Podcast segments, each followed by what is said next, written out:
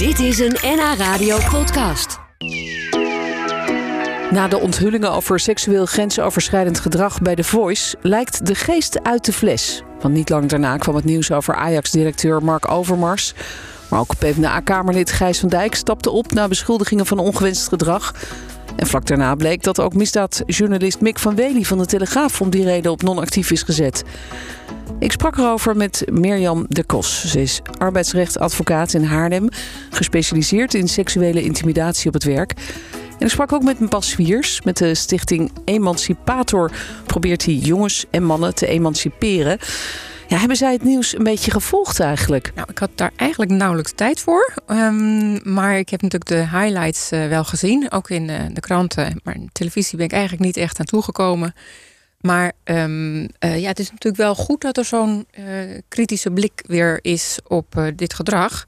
En ook goed dat daar nu ja, echt wel stappen worden gezet. Dat als iemand echt grensoverschrijdend heeft gehandeld, dat het uh, einde verhaal is. Ja, dat is, het zijn wel duidelijke maatregelen inderdaad. Hoe volgde jij uh, deze week, Bas? En dacht je misschien ook, oh, er is toch wel nog wel heel veel werk aan de winkel? Ja, maar dat, dat er veel werk aan de winkel was of is, dat wisten we al. Uh, we doen dit ook al jaren. Dus aan de ene kant met verbazing uh, dat het gebeurt. En tegelijkertijd weten we het. Alleen het komt niet zo vaak naar buiten. Nee, misschien vanaf nu wel wat vaker. Daar zullen we het... Dat is wel uh, hopelijk wel. Ja. ja, daar zullen we het zo dadelijk over hebben. Mirjam, jij bent niet alleen advocaat, vertelde je me net, maar ook voorzitter van klachtencommissies bij bedrijven.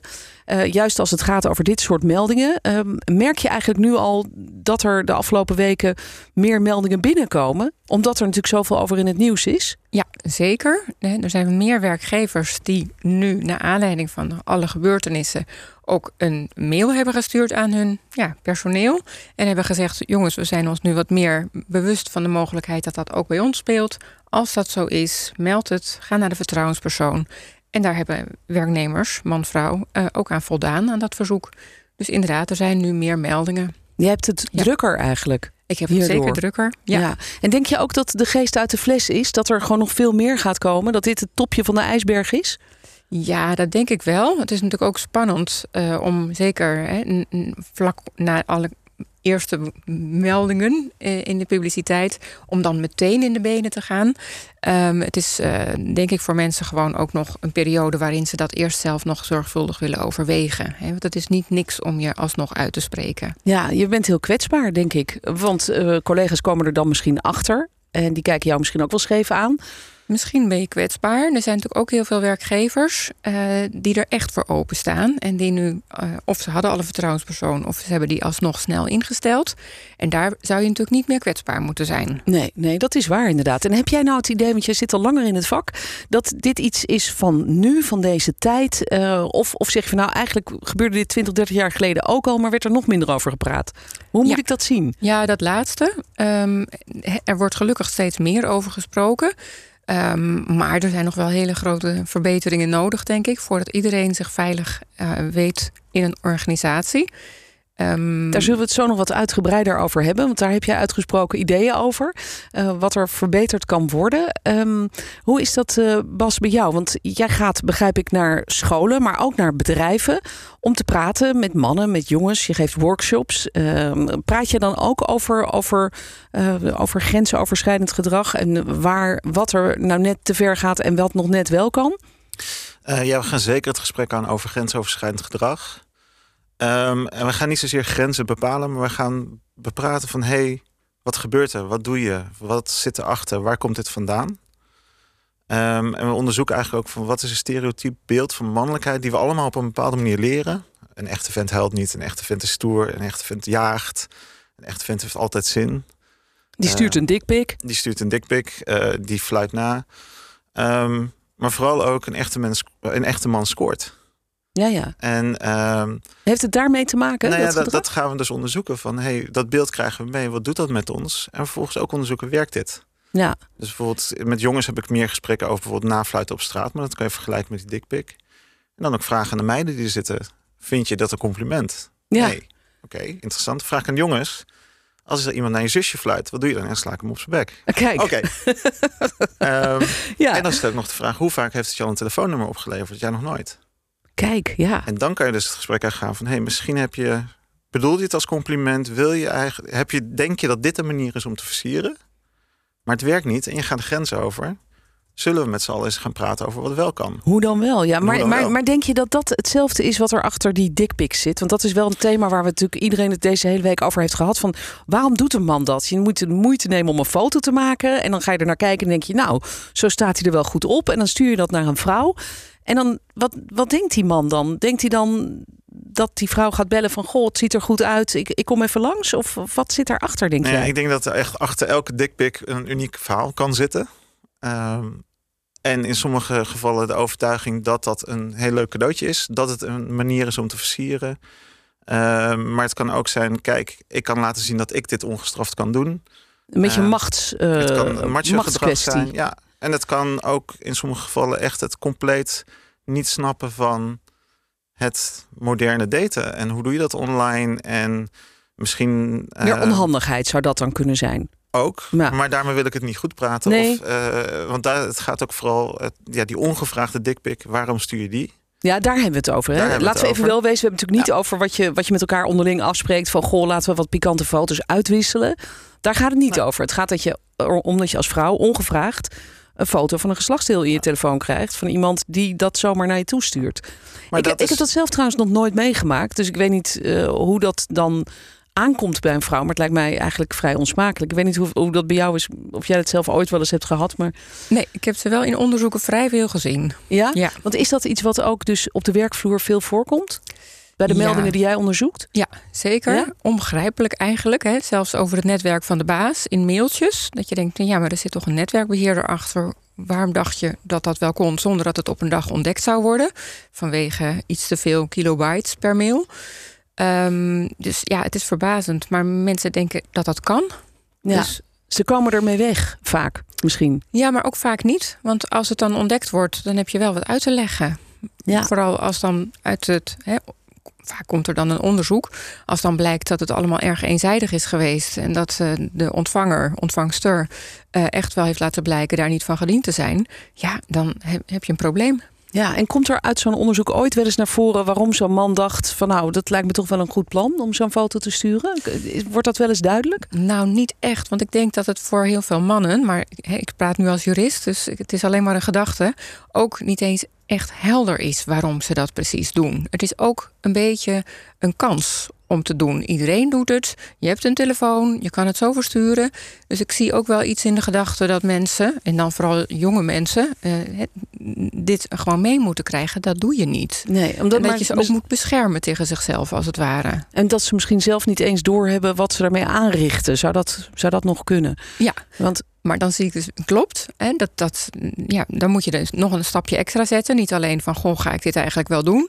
Maar ook van, hoe zou die ander het vinden om dat te ontvangen? Ja, want hoe vindt die ander dat? Daar weet jij natuurlijk ook wel wat van. Want jij, jij treedt op namens. eh, de, voor bedrijven zit je in zo'n klachtencommissie. Dus jij, Ja. jij ziet wat het doet met vrouwen die, die bijvoorbeeld dit soort foto's krijgen. of op een andere manier geïntimideerd worden. Maar wat doet dat met vrouwen? Nou, ik heb er nog nooit een gesproken die zei dat ze dat prettig vond. Ehm, want daarom is het ook een klacht of een melding geworden. En er zijn heel veel gradaties in hoe vrouwen daarmee omgaan. Een enkeling zegt, ja, ik vond het heel vervelend... en ik heb gezegd, stop ermee. Maar dat deed hij niet. Nou ja, dan maar op deze manier. Maar er zijn ook vrouwen die zich echt eh, ja, beledigd voelen. Van hoe, die, die in hun in- integriteit geraakt zijn, eigenlijk in hun waardigheid. Ja, wat maakt dat jij denkt dat ik dit wil ontvangen? Ja, ja, wat is jouw beeld van mij als jij denkt dat ik dat Ja. leuk zou vinden? Ja, precies. Want dan word je toch een beetje, nou ja, als iets. Hè, vrouwen voelen zich dan als iets minder waardigs neergezet. eh, dat jij denkt als man dat je dit maar mag sturen. Ja, ja dat snap je ik wel. ik Ja. Ja. Dat gevoel. ja, alsof je daar Ja. naar zit te verlangen. En, Ja. en is het eigenlijk strafbaar, vroeg ik me ook nog af, zo'n foto? Ja, het is eigenlijk strafbaar. Het staat, hè, er is een artikel in, in, in het strafrecht dat, eh, dat dit verbiedt. Ehm, maar ik heb even gekeken ehm, en er zijn, er zijn maar enkele uitspraken waarin dit daadwerkelijk bij de strafrechten terechtgekomen is. Terwijl het wel ehm, ja, als strafbaar eh, eh, in het boek staat. Ja, ja. goed. Nou, dat, dat is eh, goed om te weten. We praten zo nog eventjes verder over dit onderwerp. Eh, wat mij opviel de afgelopen uh, weken was dat het dus eigenlijk overal gebeurde. Bij The Voice, bij Ajax in het voetbal, bij de PvdA in de politiek, bij uh, de Telegraaf, bij, de, bij misdaadverslaggever. Um, is dat zo? Komt het eigenlijk overal voor? Of zijn er bepaalde situaties, werkplekken waar de kans groter is? Bijvoorbeeld, denk ik dan, doordat mensen altijd uh, heel onregelmatig werken, vaak s'avonds of s'nachts moeten werken. Ja, daar komt het uh, vaker voor. Dat is een van de risicofactoren, s'avonds en s'nachts werken, omdat er dan toch een iets informelere setting is waarin je samenwerkt. Maar er zijn ook veel sectoren waar bijvoorbeeld van oudsher meer mannen werken. En als dan de vrouwen hè, hun, uh, ja, hun introductie doen in zo'n organisatie, dan kan het even duren voordat er sprake is van een soort gelijke, waardige positie. Um, en er zijn veel kwetsbare vrouwen, omdat ze bijvoorbeeld aan de lopende band korte contracten hebben. En dat maakt ook dat mensen kwetsbaar zijn, want ze kunnen niet weerstand bieden tegen bepaald gedrag, want dan krijgen ze misschien geen verlenging van hun contract. Oh ja, ja dus, dus daar hun, speelt het ook. Hun ja. arbeidsonzekerheid eigenlijk over hun eh, contract kan, kan een rol spelen. Ja. ja. Ja, dat versterkt de machtspositie van de ander. Ja, precies.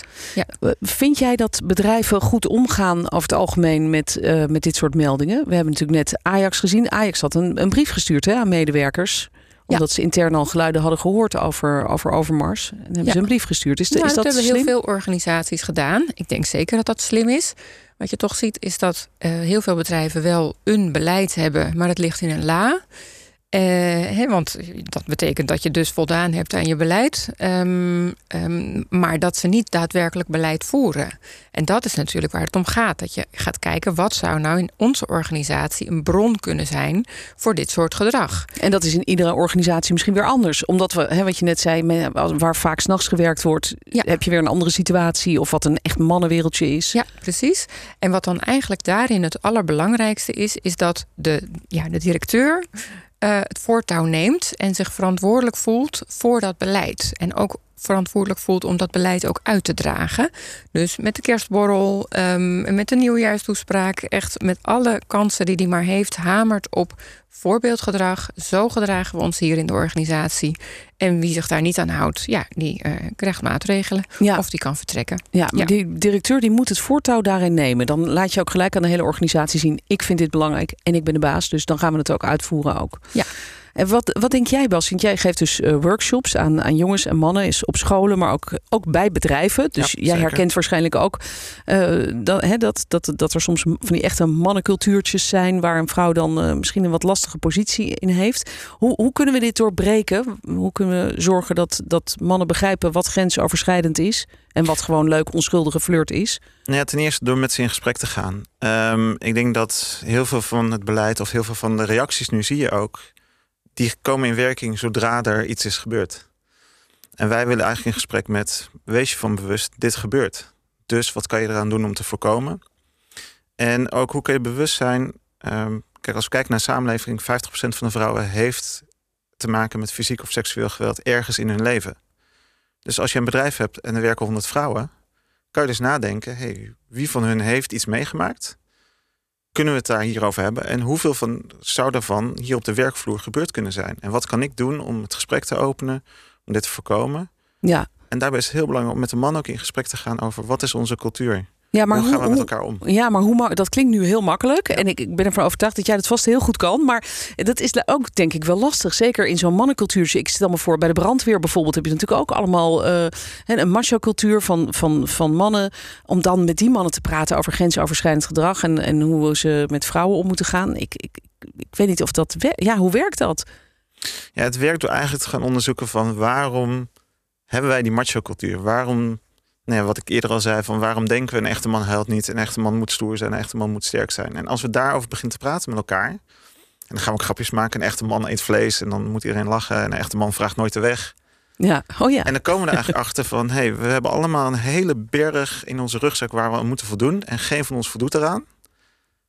En dit is de eerste keer dat we met elkaar over hebben van, we voldoen er niet aan. Ja. En dan kom ik erachter, hey, jij voldoet er ook niet aan. Ik dacht dat jij die stoere gast was waar ik altijd naar opkeek, waar ik ook een beetje tegen aan het opboksen was.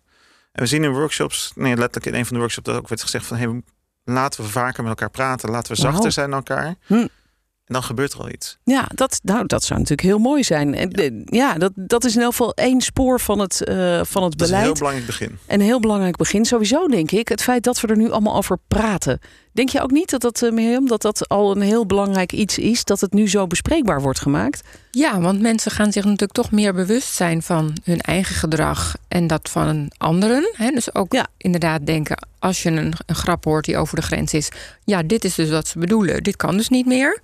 Ja, dus dat is trouwens wel ook helpt. iets wat je nu veel hoort. Dat mensen zeggen, ja, dan mogen we ook niks meer. Want we hebben hier altijd gewoon een beetje van die grappen gemaakt. En, of, of een beetje met elkaar geflirt, onschuldig. Uh, het, het wordt er niet gezelliger op op de werkvloer.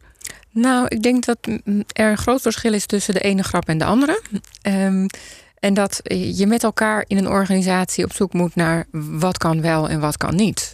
En waar voelen mensen zich eigenlijk onprettig bij? En wat is eigenlijk de reden dat men vindt dat er grapjes gemaakt moeten kunnen worden? Want ja. natuurlijk moet het gewoon gezellig zijn. En natuurlijk moet je ook grapjes maken. Maar um, nou ja, wees je bewust van het feit dat grapjes ook net de grens over kunnen zijn. Dit was een NH Radio podcast. Voor meer, ga naar nhradio.nl NH Radio